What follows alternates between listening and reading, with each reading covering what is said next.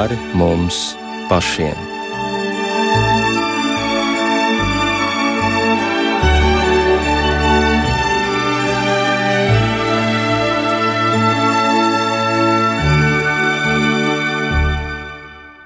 Esiet sveicināti raidījumā pāri mums pašiem, lai slavēts Jēzus Kristus. Studijā Inte Zēgnere par skanējumu rūpējas Rīta Karnača, un iespējams, ka kāds no jums jau ir pazinis šo dziesmu, strūga, kas skan poļu valodā un bija viena no pāvesta Jāņa Pāvila otrā iemīļotākajām dziesmām. Un pāvestam Jānim Pāvilam II arī būs veltīts šis raidījums, jo pasaulē, un īpaši Polijā, ir sākušās viņa simtgades svinības. Rīt, 18. maijā, ir Jāņa Pāvila II, jeb Kariola Vojtīlas simtā dzimšanas diena. Un šobrīd esam sazvanījuši arhibīskapu Zbigņevu Stankēviču. Labvakar! Labvakar! Vai jums jau ir nācies saskarties ar šīs dzimšanas dienas svinību norisi, varbūt jau sniegt kādas intervijas, varbūt jau painteresēties, kas Polijā jau ir noticis un notiek?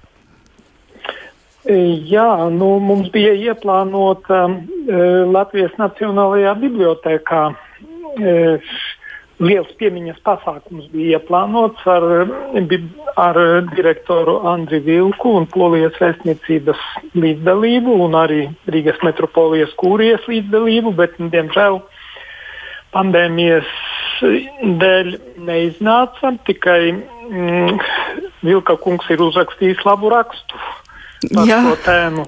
Un tad šodien arī man iznāca dalību uh, televīzijas Polonija. Tas ir polijas kanāls, kas ir uz visas pasaules poļiem, kas saka, domāts. Tur bija gan ieraksts, tika apskaņots, pirms dažām dienām ierakstīts, kur četri kaimiņu metropolīti. Mēs kopā bijām, un nu, mūsu atmiņas par Jāni Pāvilu II un par viņa tieši ietekmi uz mūsu reģionu. Bija tā, ka tie ir vismaz daži, tie nav visi pavadieni, kas pēdējās dienās ir bijuši šai saistībā. Jā, un par to arī gribēju runāt šajā vakarā. Pāvests Jānis Pāvils II, viņa loma Eiropas vēsturē un viņa loma ietekmē uz Baltijas reģionu. Jo, manuprāt, Baltijas valstis pāvestam Jānim Pāvilam II vienmēr ir bijušas nu, ļoti tuvu pie sirds, un kaut kāda īpaša rūpe ir justa pat tad, kad vēl bija padomi gadi. Jā, jo nu, vēsturnieki tādus datus sniedz, ka 1975. gadā e, kardināls Karols Vojtila, kurš Romā satika Latvijas delegāciju, kurā bija arī mūsu pašreizējais kardināls Jānis Pujāts, toreiz viņš jau bija priesteris. E, viņš uz tūlīt pajautāja, vai jums vēl ir cerība kļūt brīviem. Nu, toreiz tie bija padomju ēras tādi nu, ļoti smacīgie gadi. Un tas likās pārsteidzoši, ka viņš tā kā pārlec pāri šim, šim mākonim un skatās tālā pagātnē un modinās modina Latvijas pārstāvjus domāt citās kategorijās, pārcelties pāri tai šodienai. Un paš, un, jā. un, protams, ka viņam bija ļoti svarīga nozīme mūsu visa reģiona atbrīvošanā, jo pirmkārt jau tad, kad pēc viņa pirmās vizītes Polijā solidaritāte pamodās, visa tā solidaritātes kustība. Viņš jau patiešo nebruka virsū komunismam, bet viņš mēģināja cilvēkos pamodināt savas vērtības apziņu. Viņš e, cilvēkos e, modināja šo vēlmi būt brīviem no totalitāra režīma žņaugiem, bet, bet viņš nekritizēja šo režīmu tiešā veidā un vienkārši cilvēki modās, un bez viņa solidaritāte patiesībā nebūtu iedomājama Polijā. Un pēc tam arī man, piemēram, darba kolēģi, e, kurus paņēma armijā, kad es strādāju savā pirmajā darba vietā, 80. gadu sākumā. E, viņi teica, mums ir lādiņi iekrauti mašīnās, un mēs gaidām tikai komandu brukt iekšā polijā. Bet tomēr šī komanda nesekoja. Un zinātāji saka, ka liela, e, liels iespējas uz to bija arī Jānim Pāvilam II. Jo Padomju Savienībai bija jārēķinās, ka viņš reaģēs ļoti enerģiski un ka tomēr pasaule nu, skatījās viņiem uz pirkstiem, un viņi tomēr atteicās no tā iebrukuma. Un, ja nebūtu bijis solidaritātes polijā, tad nebūtu bijis arī atmodas Baltijā, jo tas pavēra slūžas tur. Un, eh, nu, jā, un tad tie procesi jau gāja tālāk tā kā lavīna. Nu, jā, un ar Poliju tas bija pirmais gadījums, jo Čehijā iebruka uh, un arī Ungārijā iebruka. Līdz ar to tas bija tāds ļoti saspringts brīdis, kad droši vien visi toreiz gaidīja, kas notiks, kas tagad notiks Polijā, vai tiks sūtīts. Jā, patiesībā um, var teikt, tas bija brīnums, ka neiebruka, jo līdzinājā schēma bija viennozīmīga un viņiem bija visas sviras un, un uh, pietiekošs militārais potenciāls, lai vienkārši nu, noslaucītu to jebkādu pretestību tajā brīdī. Jā, vai mēs vēl varam attīstīt šo tēmu e, Pāvests Jānis Pāvils II un Latvija? Nu, skaidrs, ka 1993. gadā tas bija īpašs brīdis, kad viņš ieradās šeit savā apustuliskajā vizītē 8. un 9. septembrī, bet vēl pirms šis priekšskars bija kritis. Jūs jau sacījāt, kā kardināls tikās ar viņu vēl nebūdams kardināls, un viņam tika uzdot šis jautājums, vai jūs vēl cerat uz brīvību. Bet arī tas, ka pirmais kardināls Julians Vaivots tika iesvētīts, tas taču arī vēl bija padomju laiks, kad tika iecelts kardināls no Latvijas. Jā, 1973. gadā, 83. gadā, un patiešām nevis katoliskajā Lietuvā, bet gan nu, ekumēniskajā Latvijā, kur katoļi nebūtu nav vairākums. Tieši Latvija šai ziņā tika nu, izcelta un pagodināta. Bet tam bija savs pamats. Tas nebija, nebija pāvesta kaprīze, jo kardināls Julians Laivots bija uzņēmies rūpes par katolisko baznīcu visās Padomju Savienības republikās, izņemot Lietuvu. Un eh, to pāvests arī novērtēja. Jo kaut kur ap 40% garīdznieku un semināra absolventu no Latvijas tika e, nosūtīti kalpot citās republikās. Un, protams, tas bija izšķiroši svarīgi, lai baznīca izdzīvotu padomju gados, jo tad, kad e, jau arī pārējās republikas kļuva brīvas, nu, tur bija zināms pamats, e, lai varētu restartēties, lai varētu uzsākt normālu nu, baznīcas dzīvi. Un vēl es atceros barikāžu laikā, kad no Vatikāna tika sūtīta īpaša telegramma ar pāvesta svētību, kurā viņš rakstīja, ka Vatikāns nekad nav atzinis Eh, Latvijas okupāciju un dod savu svētību. Es precīzi neatceros šo tekstu, bet es zinu, ka tas tika ieskaņots kūrijā, skrēju ar mikrofonu, un tad tas tika pārraidīts toreiz pa visu domu laukumu un arī rādio. Tur, kad cilvēki stāvēja, tas nozīmē, ka arī tajā brīdī, kad šeit bija vissaspringtākais laiks, uh, viņš vienkārši nenoraudzījās vai neklausījās ziņas tā no tālā Vatikāna, bet viņš bija ļoti iekšā šajā procesā.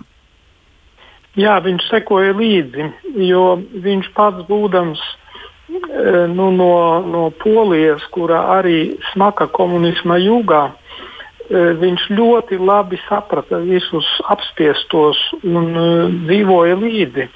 Un viņš lūdzās un deva nu, mums savu atbalstu, morālo, garīgo atbalstu. Un, e, patiešām nu, mēs šeit zinājām, baznīca šeit zināja, un cilvēki šeit zināja, ka, ja gadījumā kas, tad viņš reaģēs, tad viņš arī pacels savu balsi un runās e, arī visas pasaules priekšā.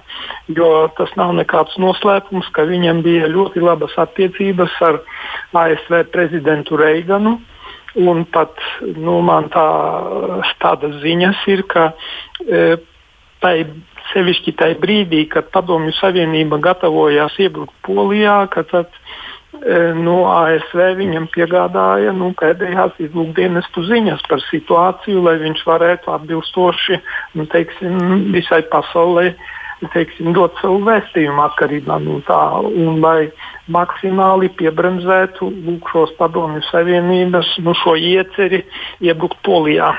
Bet nu, tas pats jau bija arī ar Baltijas valstīm vēlāk, jo tas vilnis jau gāja šeit tālāk.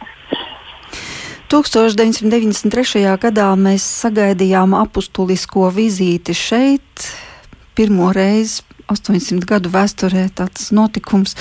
Bet kāda ir jūsu personiskā pieredze ar pāvestu? Noteikti jūs daudzkārt ar viņu esat ticies, ir bijušas kādas sarunas. Ir... Vai kā tas ir nu, bijis? Nu, mana pirmā pieredze, es teikšu, bija netieša, jo tas bija 80. gados, kad es jau nu, tā apzināti atgriezos un centos sekot kungam un arī e, lasīt labu literatūru tad es izstudēju tādu sējumu ar viņa izteikumiem. E, tāda pabieza grāmata, kas saucās Ticība un kultūra. Tie bija izteikumi, piemēram, kur viņš e, ir UNESCO vai, vai nu, visās vietās, kur viņš ir runājis par kultūras jautājumiem, kultūras un ticības attiecībām. Un es teikšu, ka tā grāmata mani ļoti iespaidoja un ļoti iedvesmoja. E, tālāk, tad jau, kad es biju seminārists 91. gadā, es piedalījos Vispasaules jauniešu dienās e, Čenstohovā. Tad es tikai nu, no tālienes viņu redzēju un dzirdēju. Un tas, kas mani ļoti uzrunāja, tas ir tas iekšējais spēks, tā, tā pārliecība, ar kuru viņš runāja, var teikt, no viņa staroja tas spēks. Un vienlaicīgi arī viņa prasme runāt, artikulēt vārdus. Viņš pats bija mazliet ar aktieru mākslu nodarbojies neilgu gan laiku, un viņš vispār filologs, dēnieks, e, filozofs. Līdz ar to viņš mācīja ļoti labi apieties ar vārdu. Šis vārds viņam bija kā instruments, lai nodotu to savu garīgo vēsti. Nu, pēc tam e, jā, es biju vēl arī Polijā, svētajās, citās svētajās misēs, ko viņš tur bija vadījis savu apustulisko ceļojumu laikā, bet tiešā saskarsme man bija pirmā saskarsme ar viņu, tas bija Rīgas domā. Kad es biju seminārists, es biju kopā ar starptautiskās evanģelizācijas skolas dalībnieku grupu, kuru tad arī vadīju šeit. Un, uh, tur negaidīti kļuvu par lektoru. Pravests toreizējais e, Pavlovskis, kurš atbildēja par nu, to mm, dievkalpojumu no katoļu puses, viņš man ieraudzījis, tūlīt paņēma par lektoru, un tad es tādā veidā nu, gan sasveicinājos ar pāvestu pirms e, noslēgumā, gan arī bija izdevība iet aiz viņa tādus burtiski pāris soļus, tad, kad viņš gāja no Doma baznīcas ārā. Un es ļoti labi to redzēju un nekad neaizmirsīšu, kā e, cilvēki stiepās viņam pretī, centās viņam pieskarties, un ja tas izdevās, tad es redzēju uz sejas tā klusu asaras bira pār vaigiem, kas bija ļoti aizkustinoši un ļoti spēcīgi. Nu, pēc tam man bija arī iespēja Romā negaidīti. Vienu vakaru man uzzvana viens no maniem e, Ljubljanas e, studiju laika draugiem. Un saka, vai tu negribi rītā tikties ar pāvestu, jo nu, tur viena vieta ir atbrīvojusies. Nu, tad arī nu, bija šī iespēja ar viņu, ar viņu satikties. Un pēc tam jau kā priesteris, e, pirms tam, pareizāk sakot, atceros, mēs ar e, arhibīskapu metropolītu Jāni Pujātu 90. Šķiet, 7. gadā, kad Euharistiskais kongress bija Vroclavā un uz tā noslēgumu pāvests tur bija, tad es arī tur nu, bija tā iespēja būt klāt un arī tikties ar viņu, sasveicināties, pārmīt pāris vārdus. Un atceros tādu momentu, kad e, ekumeniskajā dievkalpojumā viņš nu, izrādās bija augstējies mazliet nu, nošķaudījās. Jo iepauzēja, nošķaudījās, nu, tauta sāka aplaudēt. Bet viņš, nu, viņam ir laba humora izjūta, viņš zibenīgi noreaģēja un teica, nu jā, izrādās pat šķaudienam var būt ekumēniska dimensija. Un eh, patiešām, ja mēs jau tā pārlecam atkal uz viņa vizīti Latvijā, tad uh, viens no viņa tādiem spēcīgiem vēstījumiem Latvijā bija, ka viņš uzsvēra, ka uh, Latvijai ir aicinājums, ir misija visas pasaules mērogā veicināt ekumēnismu. E, tas ir ļoti spēcīgi. E, ļoti spēcīgi, un pēc tam to, kad pāvests Francisks pēc 25 gadiem bija atkal šeit, un bija arī Doma baznīcā, tai pašā, kur bija Jānis Pāvils II. Viņš arī šo misiju mums atgādināja mums par šo misiju, ka Latvija ir īpaši dieva izredzēta šai ziņā, jo šeit ir daudzas konfesijas, un šeit e, nu, pirmais, ka te ir austrumu un rietumu kristietības robeža. Bet nu, vēlos piebilst, bet vienlaicīgi arī rietumu kristietības, kas vēlāk sadalījās sākumā divos stāvojumos, un pēc tam vēl vairākos, nu, šeit ir Mm, arī, arī šī trešā dimensija. Un šajā tīģelī mēs te esam kopā, un mums ir brālīgas attiecības. Mēs tā kā veidojam mūsu valsti, veidot, cenšamies līdzveidot mūsu valsti, mūsu nākotni.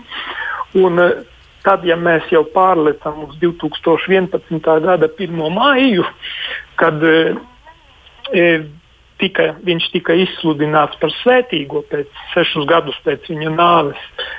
Tad uh, Latvijas universitātē kopā ar universitāti mēs saorganizējām konferenci e, tieši viņam veltītu, kura saucās Jānis Pāvils II jaunās pasaules vēstnesis, e, kurā piedalījās mūsu valsts augstākās, visas trīs augstākās amatpersonas, kultūras ministre, nelaiķis jau akadēmiķis Stradiņš, mūsu izcilākie aktieri, mūziķi. Tā bija tāda vārda un mākslas sintēze. E, Kaspars Znotiņš kopā ar Reģīnu Razumu lasīja viņa e, trīs poēmas, ko viņš ir uzrakstījis šo poēmu tulkojumu latviešu, e, fragmentus no šīm poēmām. Un, nu, es burtiski jūtos tur e, tās to laikā, e, tajā brīdī, kā man nazis karsts, nazis sviestā, kā iet, ka, kā šautras burtiski tie vārdi man gāja cauri. Tātad nu, viņa vārdiem patiešām ir milzīgs dziļums un milzīgs garīgs spēks iekšā. Un es te arī tagad esmu nolicis uz galda priekšā latviešu pārtulkotos materiālus ar viņa darbiem, vai ar viņa rakstītajām apustuliskajām vēstulēm, vai arī viņam veltītie darbi.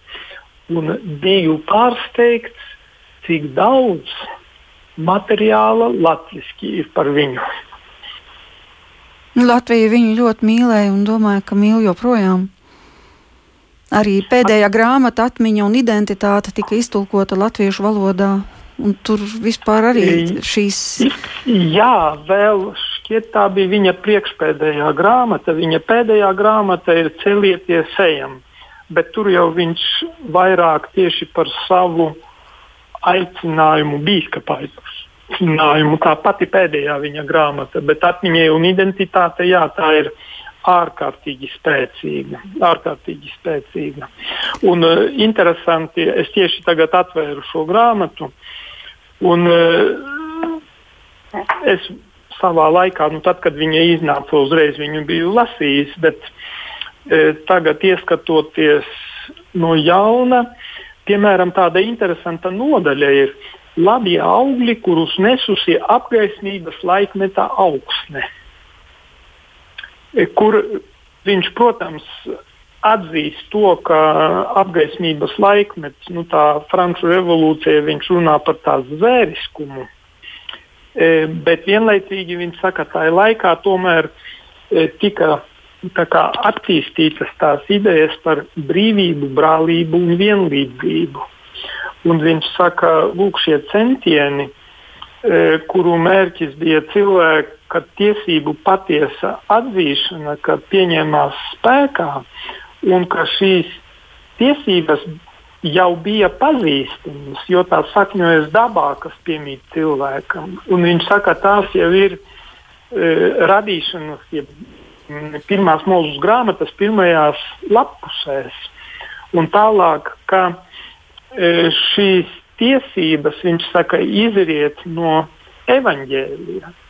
Un tālāk arī tautu pašnoteikšanās tiesības, kas tajā laikā kā, tika apliecinātas.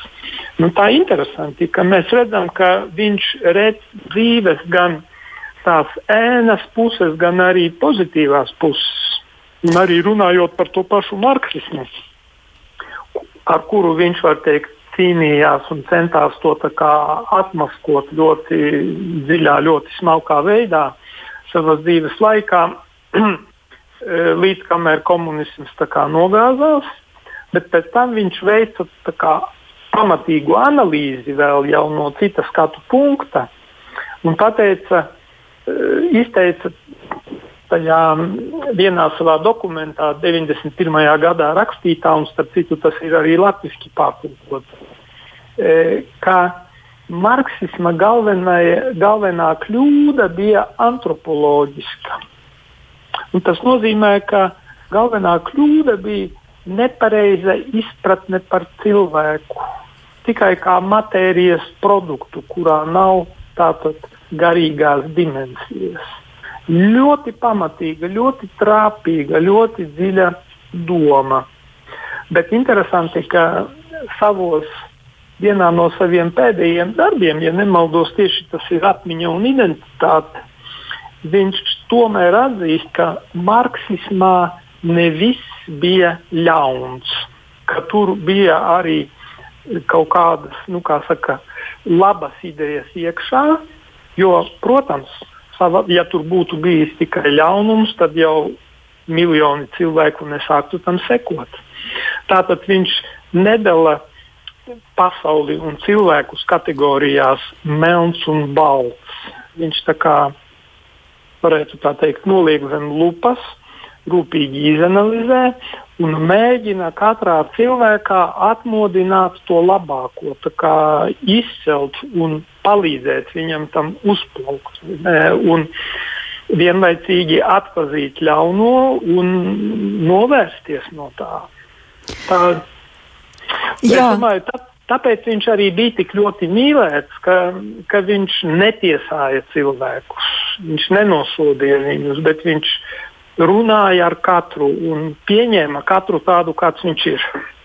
Nu, jā, un arī darīja šos cilvēkus labākus caur savu klātbūtni vai caur dieva klātbūtni, eh, ko viņš sevī nesa. Paldies par šo sarunu, saku arhibīskapam metropolītam Zbigņevam Stankēvičam, un jūs jau tikko pieminējāt arī šo konferenci, kas notika 2011. gadā Latvijas Universitātes aulā un bija veltīta uh, pāvesta Jāņa Pāvila otrā beatika, beatifikācijai. Un šobrīd eh, es aicināšu ieklausīties dažos ierakstos, pavisam nelielos, kur mēs dzirdēsim gan akadēmiķa Jāņa Stradiņa balsi, un viņa atmiņas par šo tikšanos 93. gadā, gan arī arhibīskapu Jāni Vanagu. Jāņa Pāvila pontifikāts sākuma posms patiešām veicināja komunismu un augstā kara izbeigšanos. dzelzceļa priekškara krišana. Ir zināms, ka Staļins otrā pasaules kara laikā sarunās ar rietumu valsts vīriem ir ironiski vaicājis, cik tad pāvesta rīcībā ir divīzija. Ja Jānis Pāvilam divīzija nebija, bet viņam bija pārliecība, un ar savu ļoti personisku un izšķirīgu ieguldījumu viņš panāca, ka tika uzvarēta sistēma par spīti atomieročiem, par spīti raķetēm, tankiem un meliem. Vispirms Polijā, bet tad arī kaimiņos. Un tāpēc Jāņa Pāvila pastorālā vizīte neatkarību atgūšajā Latvijā tika sagaidīta arī ar gavilēm un ar jaunām cerībām. Un man bija arī laime tikties ar Svēto Tēvu tieši šeit, Universitātes aulā. Savu apmeklējumu otrajā dienā, pirms tālāk lidošanas uz Igauniju, 9. septembrī, viņš te uzrunāja mūs laipnu seju.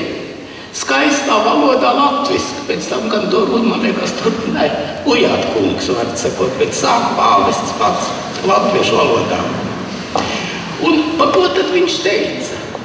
Viņš runāja par brīvu, taisnīgu, godīgu, izlīdzinātu sabiedrību, par sociālas un tiesiskas valsts izveidošanu. Sociāla un tiesiska valsts tie pāvesta vārdi.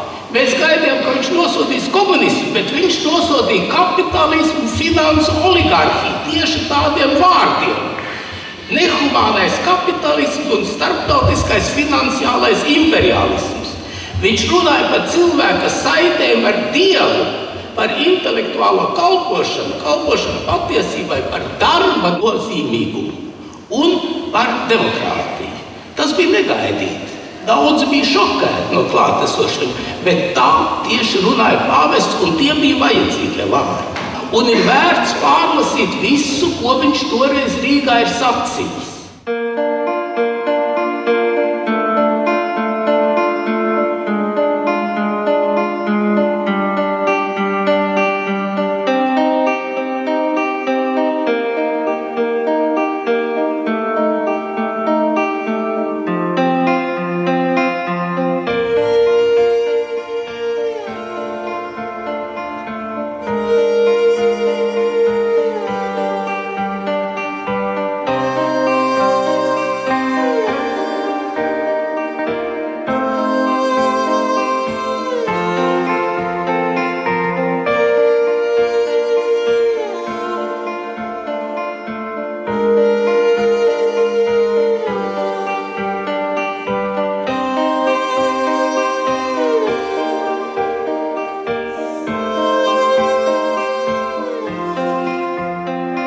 Man kā svaigi amatā iesvētītam biskupam, es biju liekas, iesvētīts kāds divas nedēļas pirms pāvesta vizītes tieši amatā, tad man viena no pirmajām lielajām lietām, ko es varēju darīt, es varēju viņu uzņemt savā katedrālē.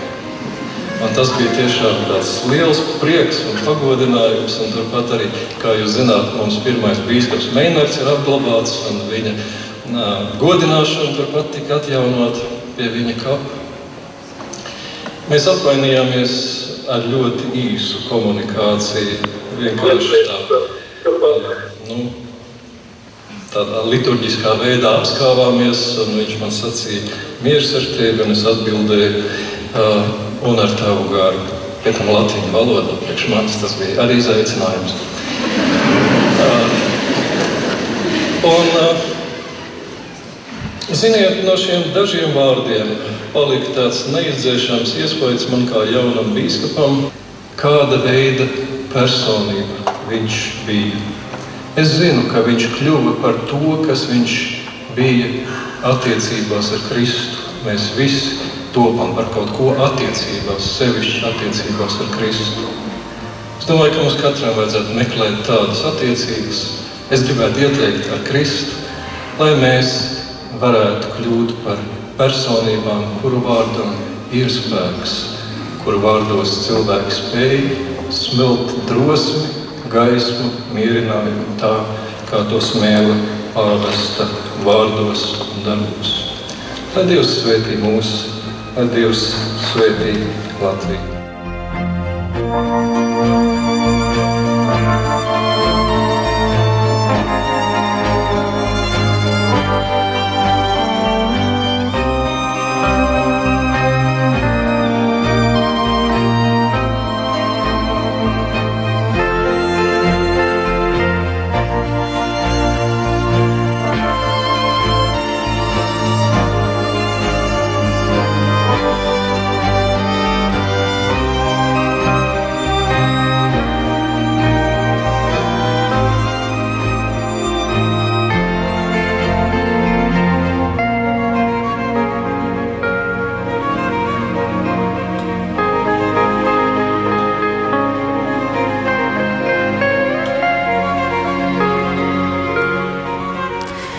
Šobrīd esam sazvanījuši Latvijas Nacionālās bibliotekas direktoru Andri Vilku. Labvakar!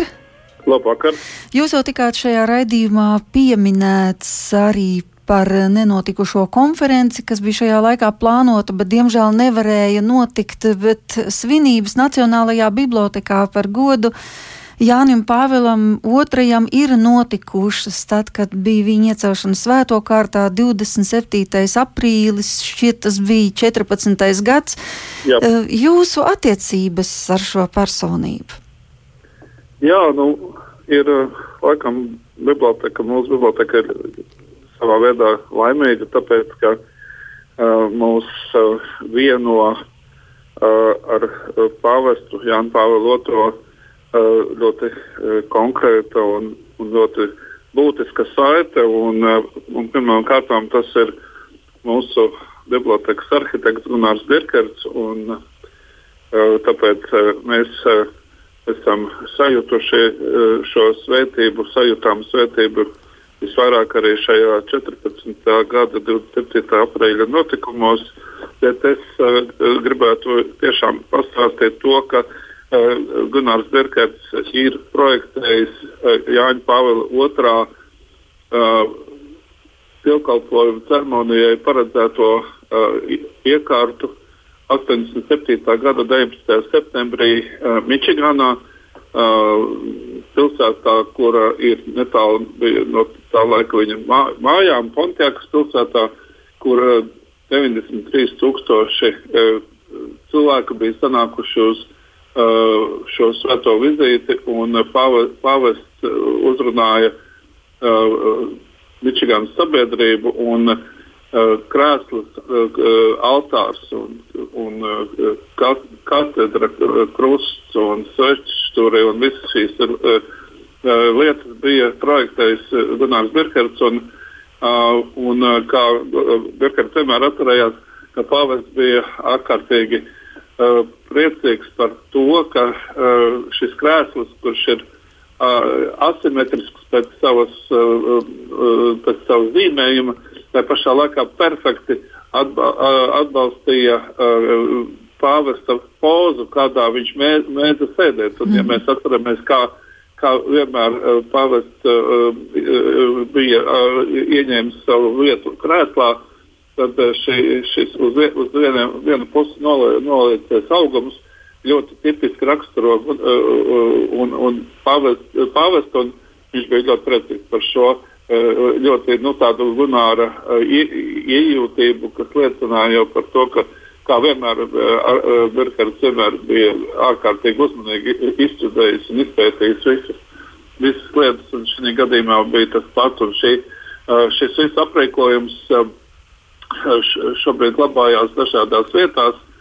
Uh, bet uh, tas, ko es gribu teikt, ka mēs uh, bijām iecerējuši uh, nak, rītdienu uh, atzīmēt tieši ar, ar šī krēsla kopijas uh, uzstādīšanu Jā, Jā, Jāņa Pāvila otrā lasītavā. Mēs tieši, tieši šīs sakarības dēļ arī esam izvēlējušies uh, mūsu lielāko lasītavu nosaukt tieši Jāņa Pāvila otrā vārdā. Un, uh, Tāpēc arī bijām gandarīti, ka 14. gada 7. aprīlī biblioteka, biblioteka varēja piedalīties tajā ceremonijā, kad Jānis Pāvils kļuva, kļuva par svēto ar, ar, ar Pāvils Francisku svētību.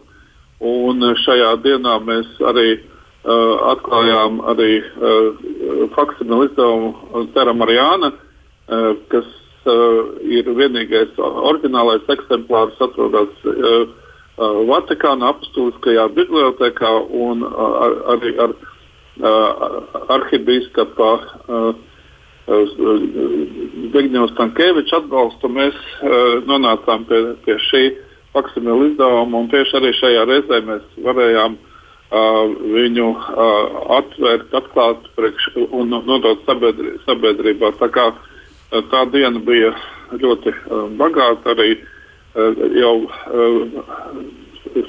Kievičs kungs pieminēja arī atmiņas un identitāti. Arī šī grāmata tika atvērta tieši šajā reizē nu, un tika atklāta. Atklāta lasītāja, jā, tā kā tas mums bija. Jā, bet jums vēl ir tāda, varētu sacīt, netieša pieredze ar Jāni Pāvilu II, kas ir saistīta ar 1980. gadu. Vai jūs īsi nevarētu par to pastāstīt? Nu, jā, Stankevičs kungs jau minēja par tiem laikiem, kā, kad uh, Padomu Savienība uh, vēl bija ļoti varena un, un, un jaudīga. Un ta, tad es atrados uh, netālu no Polijas robežas uh, Latvijas Universitātes studentu uh, tajā kara apmācības uh, nometnē. Un, uh, tieši tajā brīdī sākās saviņojumi Polijā, pēc kuriem radās solidaritāte.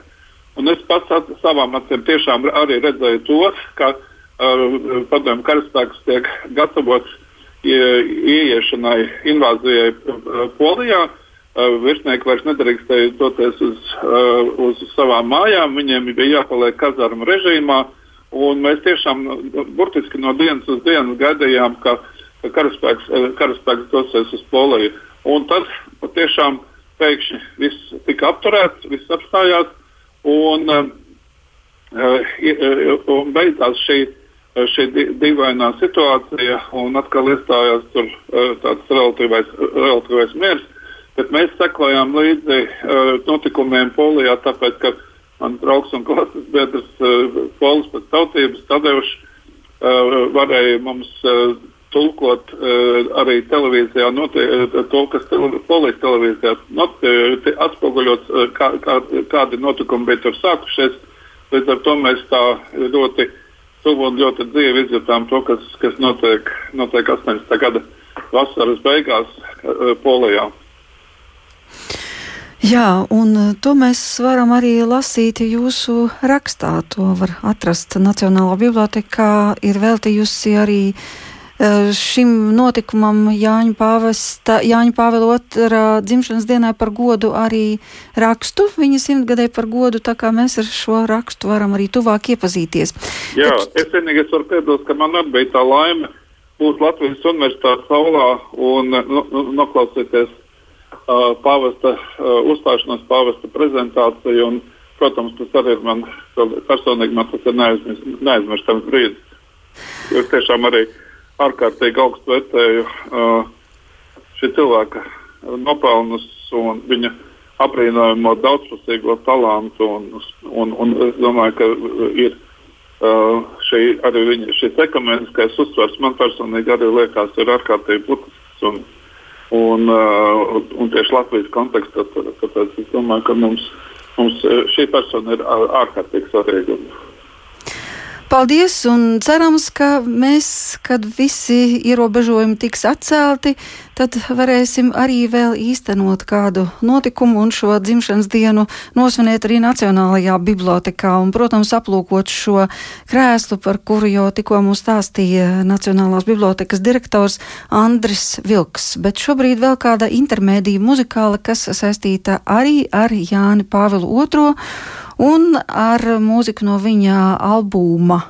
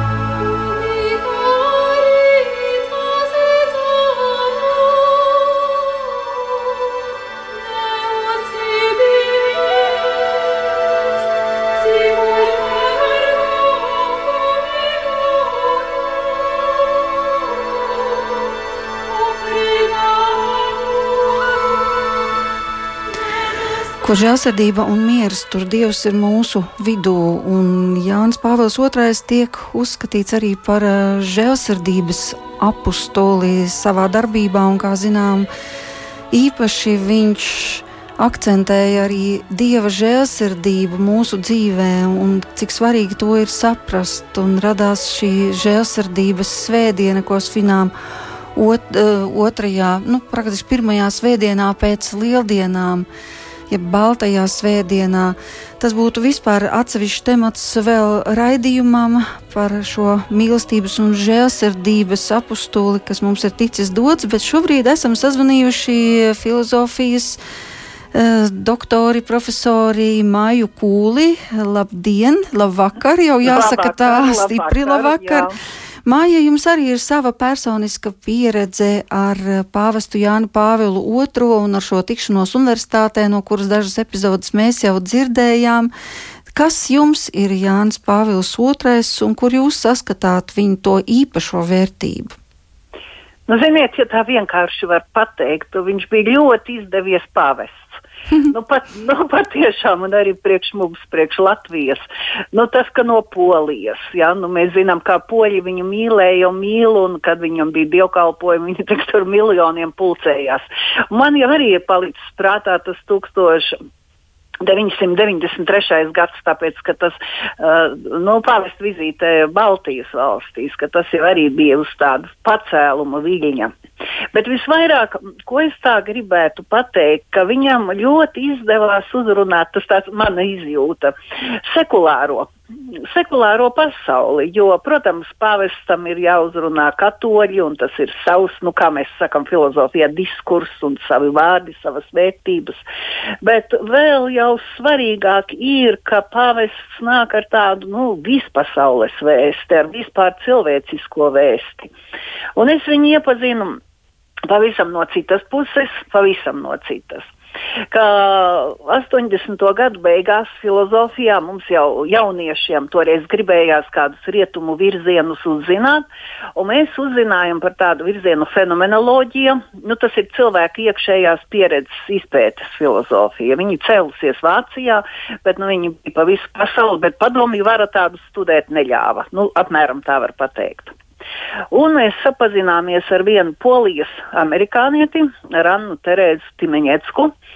Uh, uh, viņai ir, nu, viņa ir mirusi jau kādus piecus, jā, piecus gadus atpakaļ, bet uh, viņai pasaulē ir nodibināts Fenomenoloģijas institūts, privāts, privāts institūts. Nu, lūk, un izrādījās, ka viņa ir jaunības eh, paziņa, draudzene, viņa ir no Krakovas, un pāvests jau arī nu, studēja Krakovā, pēc tam viņš bija Krakovas katoļu universitātē profesors, un, un Anna Terēza teica, nu, jaunieši, jūs, jūs paskatieties, paskatieties uz to Karolu Boitilu, viņas darbiem, viņi ir tulkoti angliski, viņa pati arī bija viena no lielu grāmatu pārtulkoja un izdeva sērijā š, toreiz Kluvera akadēmisko izdevumu sērijā.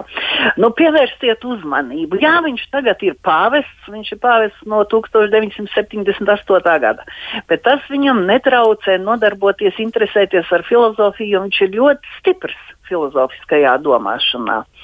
Un mēs paņēmām tā grāmatu angliski, poliski es arī nemāku, bet nu, viņi bija pārtulkota. Tur ir cita veida vērtības nekā jūs tikko nosaucāt. Protams, kā žēlsirdība un šīs kristīgi katoliskās vērtības. Bet pāvestam Uh, grāmatā, kurā saucās cilvēks, kas darbojas, angliski viņa ir the acting person, darbojošamies persona. Nu, mm -hmm, cilvēks, jā.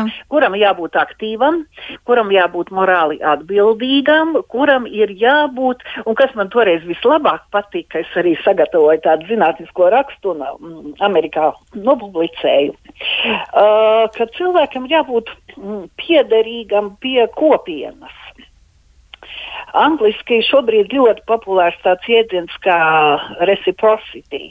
Tas ir savstarpējība, tas ir nu, to, ko mēs tagad Covid laikā visiem sakam.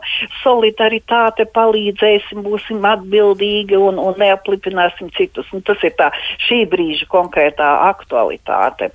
Bet pāvesta grāmatā, ko viņš izdeva un bija uzrakstījis kā uh, vēl Krakovas universitātes profesors, uh, tajā ir tā nots, kas tagad vēl pēc uh, 40 gadiem, ja, nu, laiks ir daudz pagājis, viņa ir filozofijā pasaulē viena no tādām dominējošākajām. Tā ir tēma par atvērtību, komunikāciju, bet tā nav tāda, domāt, tāda sociāli politiska darbošanās, bet tā ir tāda aktīvā cilvēka morāles, ticības, atbildības pilna uh, darbīgums, kas vērsts nevis uz sevi kā uz ego, bet uz, uz citu, uz citādo. Un ko mēs toreiz izlasījām, kas mums ārkārtīgi patika, tas bija Šēlera ietekme. Maksa Šēlera vērtību, mācības ietekme uz Karolu Vojtilu. Oi, oi kādi raksti tapa, uh, izdevām uh, nu, dažādu, dažādu tipā grāmatas. Un Šēleram man patika to, lai man arī šobrīd tas patīk. Bet Šēlers latviski nav tulkots, ir tik tāda maza, maza grāmatiņa uh, par vērtību hierarhiju un par to, kas ir atkal svarīgs mūsdienās. Tas ir uh, svētuma, garīguma vērtības kā hierarhiski visaugstākās. Visaugstākās, visvajadzīgākās, visnozīmīgākās, un Šellers tādā darbā ar cilvēku stāvoklis kosmosā tā nu, ļoti eleganti, skaisti parāda, ka uh, ja, ja tas tā nav, tad cilvēks ir vienkārši kaut kāds nu, sisenis, sienāzis kaut kāds. Uh, nu, savulaik teica puķu kāposts, un nekas vairāk no jums nav. Nē, nu, vietā. Bet sisenis un sienāzis, un, un, kas, protams, arī maza dzīvībiņa. Bet cilvēkam garīgums, garīgās vērtības. Un vēl, ko, ko pāvests teica, tas nav tik daudz tajā grāmatā, bet man ļoti patika tajā 90. gadu pārējais posmā, kad padomi vara bija beigusies. Uh, tas uh, nebīstieties. Oi, kā es to atceros.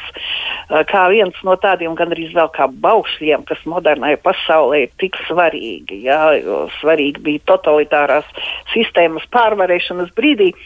Ka nu, nevis tik nebaidieties, nu visi jau baidās no kaut kā no tumsas, nu, tā, bet tā tāda lielāka, eksistenciālāka tāda, tāda vēsma, tāda nebīstieties. Ja jūs esat ticīgie un esat kopā ar Dievu, tad arī, arī cilvēks ir kopā ar jums, šī ticīgā cilvēce. Un, jā, un, un jūs, tas jā, jūs jā. lielus panākumus, lielu sev brīvību iegūt, nu tādu brīvību, kā mēs gribējām jā. 90. gados. Nu, protams, jā. un šobrīd atkal šis nebīstieties ir ļoti aktuāls, jo bailes dažkārt rodas no visas šīs situācijas, bet atkal skan šis atgādinājums nebīstieties un šoreiz jau ar pāvesta muti, ja tā var teikt. Un mēs arī noslēgsim šo raidījumu ar viņa balsi, ar viņu lūgšanu.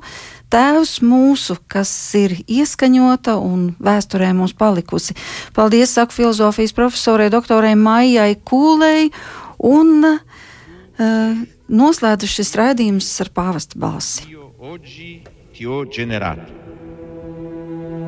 Io gli sarò padre, egli mi sarà figlio. Sono parole profetiche. Esse parlano di Dio che è padre nel senso più alto e più autentico della parola. Dice Isaia, Signore, tu sei nostro Padre, noi siamo argilla e tu colui che ci dà forma. Tutti noi siamo opera delle tue mani.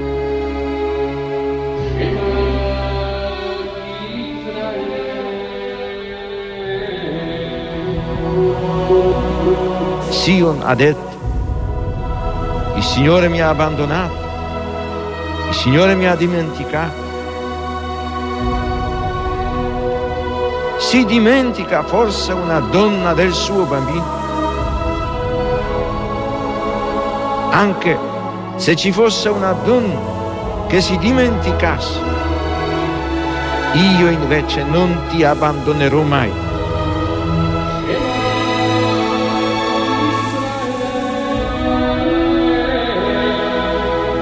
È significativo che nei brani del profeta Isaia la paternità di Dio si arricchisca di connotazioni che si ispirano alla maternità. Gesù annunzia molte volte la paternità di Dio nei riguardi degli uomini, riallacciandosi alle numerose espressioni contenute nell'Antico Testamento. Per Gesù Dio non è solamente il Padre di Israele, il Padre degli uomini, ma il Padre suo, il Padre mio. Pater noster, pies in celi, sanctificetur nomen tuum, adveniat regnum tuum, fiat voluntas tua, sicur in cielo ed in terra.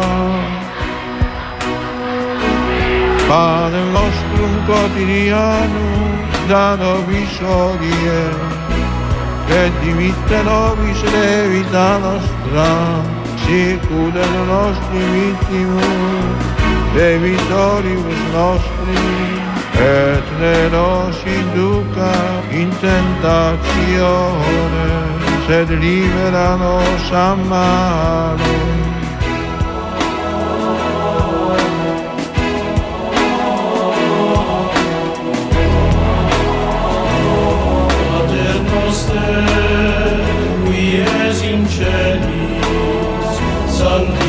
dice nomen tuum.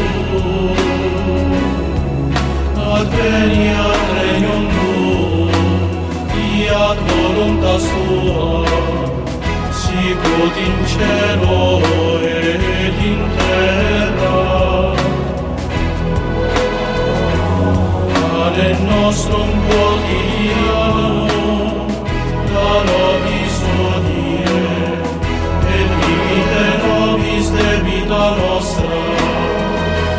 virtudes nos dimitimos, de vitoribus nos Entremos sin dudas, sin tentaciones, se liberamos.